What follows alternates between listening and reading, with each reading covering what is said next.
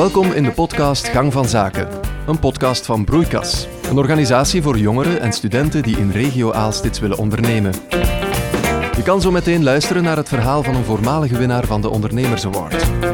Mijn naam is Jonas de Kleer en ik ben zeer benieuwd naar de echte verhalen van deze Aalsterse gevestigde ondernemers, hun gang van zaken en toekomstplannen. Neem nu maar een half uurtje voor jezelf, laat je inspireren en geniet ervan.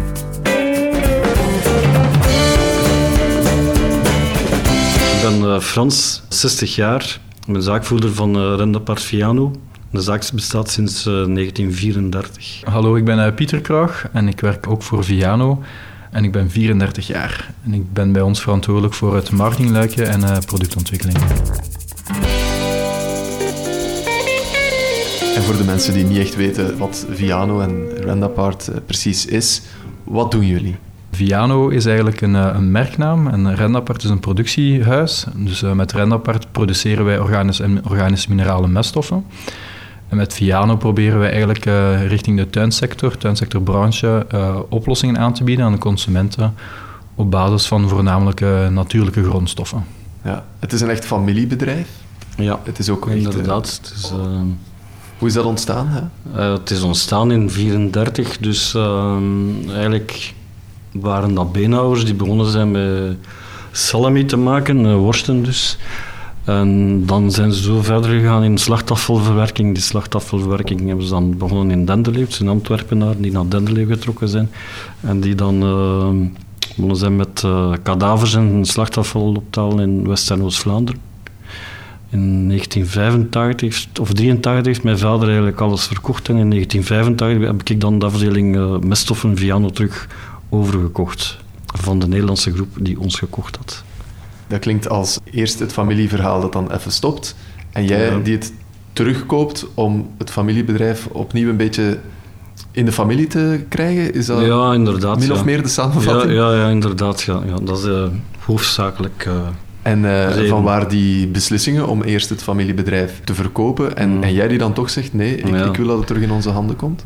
Och ja, 1983. Mijn vader was ja, eigenlijk uh, 54 jaar als ik geboren ben, dus uh, ik was eigenlijk, oh ja, uh, er was een groot generatieverschil.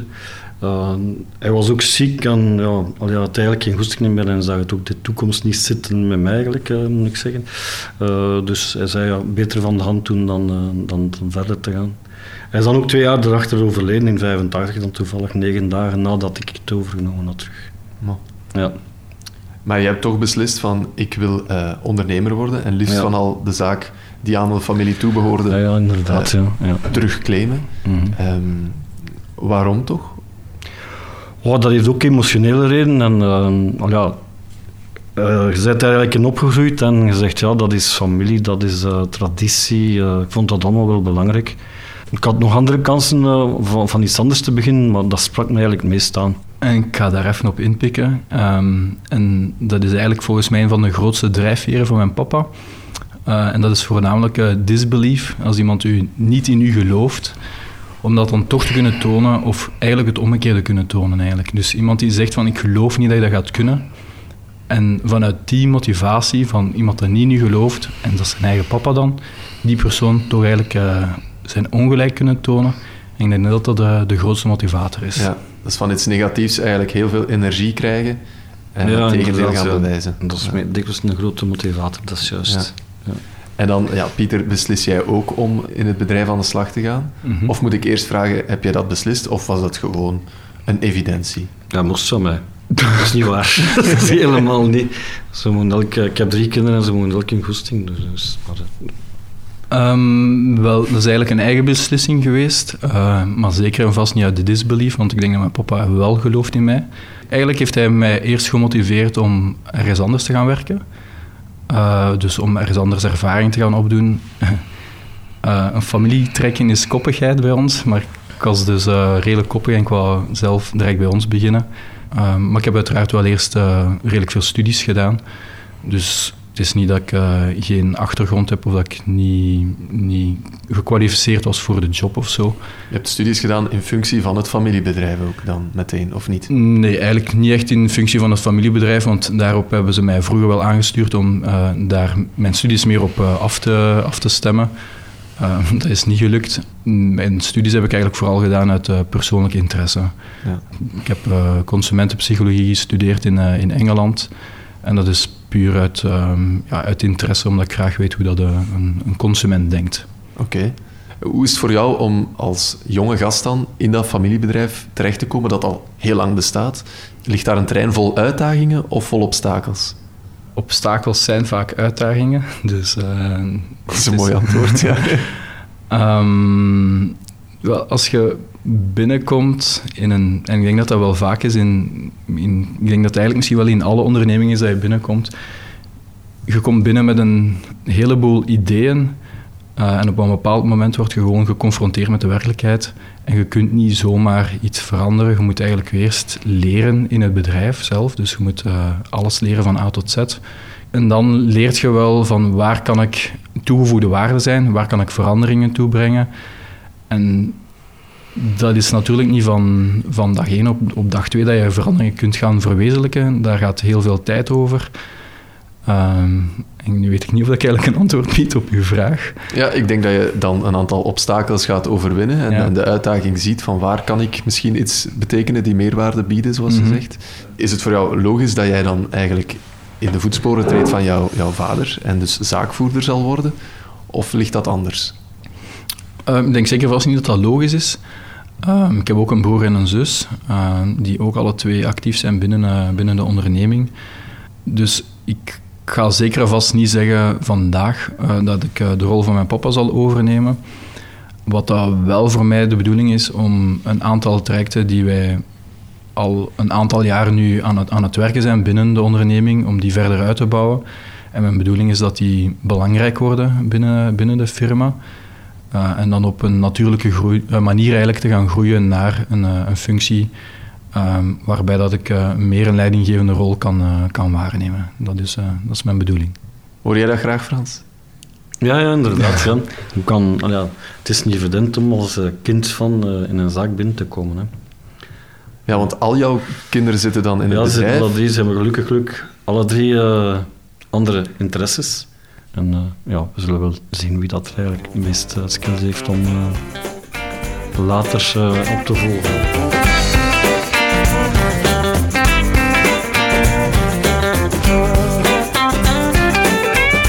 Frans is alleszins trots op het feit dat zijn kinderen de toekomst van de familiezaak kunnen garanderen. Maar wanneer begint de familie en stop je met het zakelijke? En hoe ga je daar best mee om? In een familieonderneming is de betrokkenheid heel groot ja, ik durf wel zeggen dat mijn betrokkenheid wel groot is en ik, ik kan dat niet zomaar altijd afsluiten achter mij. Um, en ik denk dat dat ook logisch is. Mm -hmm. Je kunt niet zomaar um, op de ene plaats een discussie hebben en op de andere plaats met elkaar um, op een supergoeie manier overeenkomen. Ik heb liever eerst die, dat discussiepunt uit te praten en dat eerst op te lossen en dan kan ik dat afsluiten. Zolang dat niet afgesloten is, vind ik dat moeilijk om dat te plaatsen. En dat is misschien ook gewoon direct al een van mijn zwakkere eigenschappen, dat ik dat niet kan. Maar ja, dat is natuurlijk een, uh, een stuk van, van wie dat je bent en de betrokkenheid die dat je hebt met de, met de zaak. En het is ook een groeiproces. Hè? Het is, uh, wat dat je zelf zegt, misschien is dat nu een van de mindere eigenschappen. En dat wou ik ook wel zeker eens vragen aan jullie beiden ook. Ja, als ondernemer moet je heel veel leren, ook aldoende leren. In hoeverre um, hebben jullie jullie daarin laten begeleiden? Zeg maar iets door andere experts, uh, door een adviesraad, door bijscholingen, cursussen? Ik heb er alleszins veel aan gehad. Ik ben in 1985 uh, opgestart, dus ik was dan 25 jaar. Uh, als ik dat overgenomen heb, dat, dat, dat, is, dat is vrij jong, vind ik toch.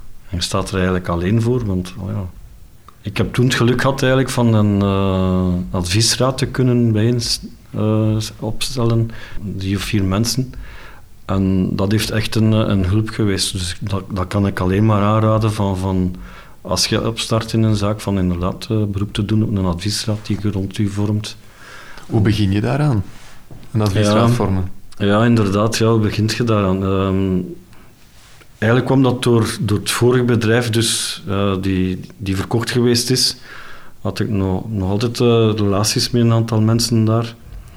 En uh, ik, één was uh, juridisch adviseur of jurist in het bedrijf en deed ook HR. En daar had ik eigenlijk een heel goed contact mee. En die heb ik dan eigenlijk meegenomen in die adviesraad. En samen met hem heb ik een paar andere mensen gezocht die in, in, in productie die ja, zijn sporen verdiend had of nog altijd daarin bezig was, in, productie. En ook iemand in, in marketing en in sales. Dus er waren drie, drie vier mensen waar we in het begin toch iedere zaterdag vergaderen. Maar die, die hebben eigenlijk ja, begeleid in die periode. En dat, dat, is, dat is echt soms ambetant, want je hebt je eigen visie en soms moet je, je daarbij neerleggen. Mm -hmm. Ik denk dat zij beter weten of kennen dan jij zelf. We hebben dat vijf jaar volgehouden. Um, en dan hebben, hebben we dat afgebouwd. Maar ondertussen hebben wij wel vrij veel beroep gedaan, steeds op uh, externe adviseurs en consulenten. Want dat is uh, wat je zelf zegt, je, je, was 25 toen. Dat is een, ja. van, een van de dingen dat je meteen hebt gedaan, je goed laten omringen. Hmm. Wat zijn nog zaken, zeker voor uh, de starters die misschien wel aan het luisteren zijn, um, waar je van bij de start moet rekening mee houden? Dat vind ik echt het belangrijkste. Natuurlijk, ja, je moet uh, zelf voor jezelf uitmaken, ja, en, en eigen zaak, dat is, dag en nacht. Hè. Dat is 7 op 7, 24 op 24, dat is gewoon zo. Hè. En ja, je bent niet alleen, de rest van het gezin, of komende gezin, moet daar ook toe bereid zijn van, van daarin mee te gaan in dat verhaal. Ik denk dat, waarbij, bij mij viel dat goed mee. Maar eh, ik kan me soms wel inbeelden dat er uh, mensen zijn die daar uh, niet meer gediend zijn van, van iemand die dag en nacht en wekelijks in het weekend ook bezig is met zijn zaak. Ja.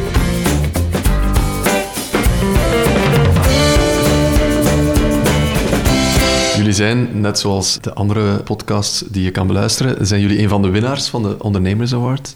Dat was bij jullie in 2016. Eigenlijk vooral Frans, jij hebt die vooral gewonnen. Uh, wat herinner jij je nog van dat moment? Ah, ik vond dat uiteraard een fantastisch moment. Aan de ene kant zitten daar uh, in die zaal en denkt, god, ga ik het toch niet zijn, want dan gaan ze me straks uh, interviewen. En dat is iets dat ik uh, haat. Sorry dat ik het Oei, sorry. Maar het is dan zo. stopt het hier. Ja. maar, maar het is gewoon zo, ja. Maar dat, uiteraard, ja, ik vond dat fantastisch. En, oh ja, toen mijn kinderen waren dan aanwezig, ik had dat niet verwacht, hè, helemaal mm -hmm. niet een deel van het traject natuurlijk via Broeikas, dat is eh, dat je dan samenwerkt met studenten. Hoe is die samenwerking voor jou verlopen? Ja, dat was heel goed eigenlijk. Die gasten vielen heel goed mee. Ja, absoluut. Heb je iets van hen kunnen leren ook? Want ja, ongetwijfeld, zij leren wel iets van jullie, want ze mogen meelopen en heel veel... Ja, in nuchterheid eigenlijk. Ja, ik vond van, voor een jeugdige uh, leeftijd dat die, die, dat die wel uh, ja, nuchter op de zaak keken en ja, kosten analyseren. Ik vond dat wel, ja. Wij werken zeer nauw met, uh, met CTL, nu Uni Universiteit Gent, sinds 1985. Dus wij hebben eigenlijk uh, een samenwerking dat is begonnen met uh, analyse op onze grondstoffen en op onze eindproducten. En daarnaast zijn we dan ook begonnen met een innovatieteam um, samen te stellen in samenwerking met, met hun. En dus ook op die manier studenten die eigenlijk constant wel voor jullie van waarde zijn. Hè? Ja, inderdaad. Uh, uh, we hebben ook al verschillende studenten gerecruiteerd van, vanuit Gent naar, naar bij ons. Ah, kijk. Ja. Is er een vacature voor de mensen die luisteren? Ja, dat is een vacature. Ah, voilà, kijk. Dan kunnen ze gaan kijken. Hè. ja. Op jullie website waarschijnlijk. Ja, ja. Ik vind persoonlijk ook, als je zo deelneemt aan zo'n eh, een traject, er worden vragen gesteld. En zoals bij dit interview ook, over die vragen ga je gaan nadenken. Hoe ga ik mijn antwoord daarop formuleren? Of, of ik denk dat dat belangrijk is dat er mensen vanuit een ander perspectief die vragen aan u gaan stellen. Je gaat je antwoord proberen formuleren, zij komen daar terug met feedback op. En vaak door die feedback van hun ga je ook je eigen antwoord gaan analyseren. En daardoor ga je vaak tot inzichten komen. En dat is ook vaak ondernemen, is jezelf altijd in vraag stellen. En ook vraag, je afvragen of dat het antwoord dat je zelf biedt, of dat, dat wel het goede antwoord is. Allee, ondernemen is constant... Uh, ja, bijsturen. Hè. bijsturen. Ja. Je hebt intrinsiek een businessplan nodig om een onderneming op te starten, om een onderneming te laten voortbestaan. laat staan laten groeien. Maar als je je businessplan in, in steen gaat graveren en daar niets gaat gaan aan aanpassen, ja, dan uh, kun je 2020 zeker en vast al niet overleven. Onverwachte crisissituaties, ja. Ja. ja. Dat is wel zo. Dus, en op dat vlak is het altijd goed om uh, aan bepaalde trajecten deel te nemen, en zeker met studenten, omdat die een open kijk hebben. Uh, zijn ook vaak onbevreesd in hun, in hun respons. En dat is uiteraard wel... Uh, allez, dat, is, dat, is, dat is vaak positief. Mm -hmm. Je hebt het zelf aangehaald, ook het businessplan. Voor veel beginnende ondernemers een startpunt, echt heel belangrijk. Maar in hoeverre grijp jij daar nog naar terug? Ik denk dat een businessplan een basis is bij iedere investering die je gaat doen. Uh, of productontwikkelingen moet je een businessplan maken. Je kunt niet zomaar een, uh, iets, iets opstarten zonder dat je weet waar, of wel, voor welke markt hij het gaat gaan maken. Welke andere socio-economische factoren dat er spelen. Je moet een businessplan hebben en je moet weten waar je naartoe wilt gaan, anders kun je, kun je niet starten.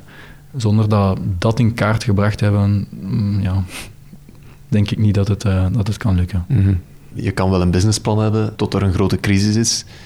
En die is er, dat weten we allemaal. Hoe heeft corona jullie bedrijf geïmpacteerd? Wij hebben eigenlijk, uh, onafgezien afgezien van het, het, feit dat de tuincentra een paar weken dicht geweest zijn vorig jaar, is die omzet die, toen, uh, die we toen gemist hebben, is ruimschoots ingehaald geweest. Dus de impact is, eerlijk gezegd moet ik dat zeggen, dat, dat dat positief is geweest voor ons. Dus, uh, Omdat mensen ja, meer thuis mensen hebben meer, gezeten? Meer en, thuis zitten ja. en, uh, en, meer in hun tuin gaan werken en meer aandacht voor hun tuin hebben. Ja, dat heeft ertoe uh, gebracht dat onze producten meer hun weg vonden naar de consument.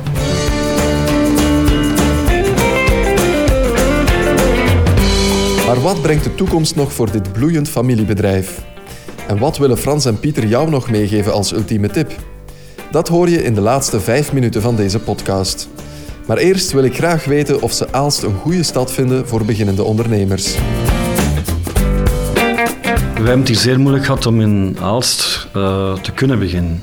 Men had de vrees dat wij de activiteit van Dendeleeuw, dus het verwerken van slachtafval en kadavers, hè, daar hangt de geurtje aan, uh, op zijn minst gezegd, dat wij dat inderdaad hier gingen doen. En daar stond heel veel vrees voor en ja, daar uh, is de politiek dan opgesprongen. Uh, het waren dan verkiezingen in dat jaar of het jaar erop. En een paar politica hebben zich daar zeer interessant kunnen doormaken. Maar als je dat tegen hebt, en de media was ook uh, wel een stuk tegen ons, dat heeft dan heel wat voeten in de aarde gehad. Maar ja, ik wil zeggen dat onze burgemeester toen uitgespeeld, die geloven in ons en die heeft ons wel een kans gegeven. Mm -hmm. Ik vond dat heel sterk van hem. Is het dan, een, want jij hebt dat zien evolueren, een beter klimaat geworden voor ondernemers in Aalst? Ik heb daar nooit te klagen van gehad, eigenlijk. Als is eigenlijk uh, altijd uh, pro-ondernemers geweest, vind ik. Het enige dat ik zou kunnen vragen, dat is dat uh, Stadaalst met stoffen van Viano zou kunnen gebruiken in plaats van concurrerende producten te gaan kopen. Wie weet, als de burgemeester luistert nu, ja, wij weten dan dat kan hij jullie dat. contacteren. Ja. ja. dat is goed. Wat zijn zo de toekomstplannen? Uh, mag eventueel een tipje van de sluier of zo lichten. Uh, maar wat zijn de toekomstplannen van jullie bedrijf? Oh, we hebben een, een, vrij zwaar investeringsprogramma op stapel. Dus uh, wat eigenlijk goedgekeurd is. Dus wij gaan daar in mei dit jaar mee van start. Met het realiseren van dat investeringsprogramma dat in totaal vier jaar gaat, gaat in beslag nemen om dat volledig afgewerkt te krijgen. Aan onze productiecapaciteit ja, verdrievoudigen. En ook onze stockagecapaciteit gaat serieus uitgebreid worden om de groei die we plannen te kunnen mm -hmm. realiseren. Mijn doelstelling binnen Viano dan voornamelijk is om verhalen die, die we eigenlijk... Een product is vaak ook een verhaal die je moet gaan vertellen. Um, en is dat uh, het verhaal dat je met je producten vertelt, dat dat terug of meer opgenomen wordt eigenlijk door, uh, door andere mensen. En dat zij dat gaan verder vertellen. Een van de grootste drijfveren vind ik zelf altijd is als je zelf begint met een verhaal te vertellen en je ziet hoe dat, dat opgenomen wordt door je collega's en dat zij dat op een nieuwe manier gaan vertellen. En ik denk dat dat een van uh, alleen mijn grote doelstellingen is binnen, binnen Viano, om nog van die verhalen te kunnen gaan creëren. eh, en die dan los te laten om aan anderen over te laten om dat verder te vertellen. Ja, en het realiseren van een van de innovatieprojecten, Pieter? Ja, uiteraard. Ja. We hebben, uh, we hebben... Krijg je meteen een opdracht bij van je papa? vergeet het niet. Ja, vergeet dat niet. we hebben een, uh, een aantal innovatietrajecten die ja, kort voor uh, hun release datum staan. En dat is wel allee, de bedoeling dat dat in het komende jaar eigenlijk uh, gelanceerd gaat worden. Mm -hmm. Ja, nu weet ik niet of de record dan, of wat dat er of wat dat er niet kan verteld worden. Hè. Jullie hoeven zeker niet in detail te treden. Ik vind het wel een heel toffe vibe die hier hangt tussen jullie twee. Van, mag ik het zeggen? Papa, heb ik het oké okay, okay gezegd? Nee, nee, zeg het maar. Dat is wel tof om, om zo wat te voelen. Nee, een, een laatste vraag om, om dan dit eigenlijk ook af te sluiten is... Er zijn sowieso echt al tijdens dit gesprek uh, heel veel tips gepasseerd voor mensen die willen gaan ondernemen of die net begonnen zijn. Maar ik zou jullie toch willen um, vragen om één ultieme tip, net voor die jonge ondernemers, nog mee te geven. Frans, mag ik bij jou beginnen?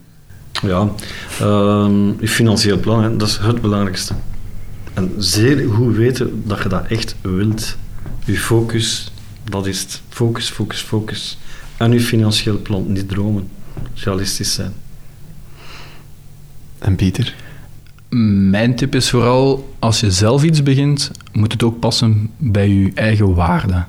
Dus um, je kunt werken voor een onderneming die volgens mij niet past binnen uw waarde. Dus voor iemand anders gaan werken. En dat is een product of een service die niet echt past binnen uw waarde. Kan volgens mij perfect. Maar als je zelf iets wilt ontwikkelen, iets, iets doen, dan moet dat passen binnen je eigen waardepatroon. En als je daar een conflict hebt, dan gaat het nooit niet lukken. Want dan is het inderdaad 24-7. Het is van u. En je moet er ook mee kunnen leven en je moet het ook uitstralen dat het van u is. En als je dat niet kunt, gaan mensen u nooit geloven en gaat je ook nooit klanten kunnen overtuigen. Dus dat is, dat is mijn ultieme tip. En ik denk dat ik dat wel uh, gevoeld heb bij jullie allebei, dat dat zo is. Dus uh, merci voor dit gesprek, merci voor alle tips en super veel succes nog. Dank u wel.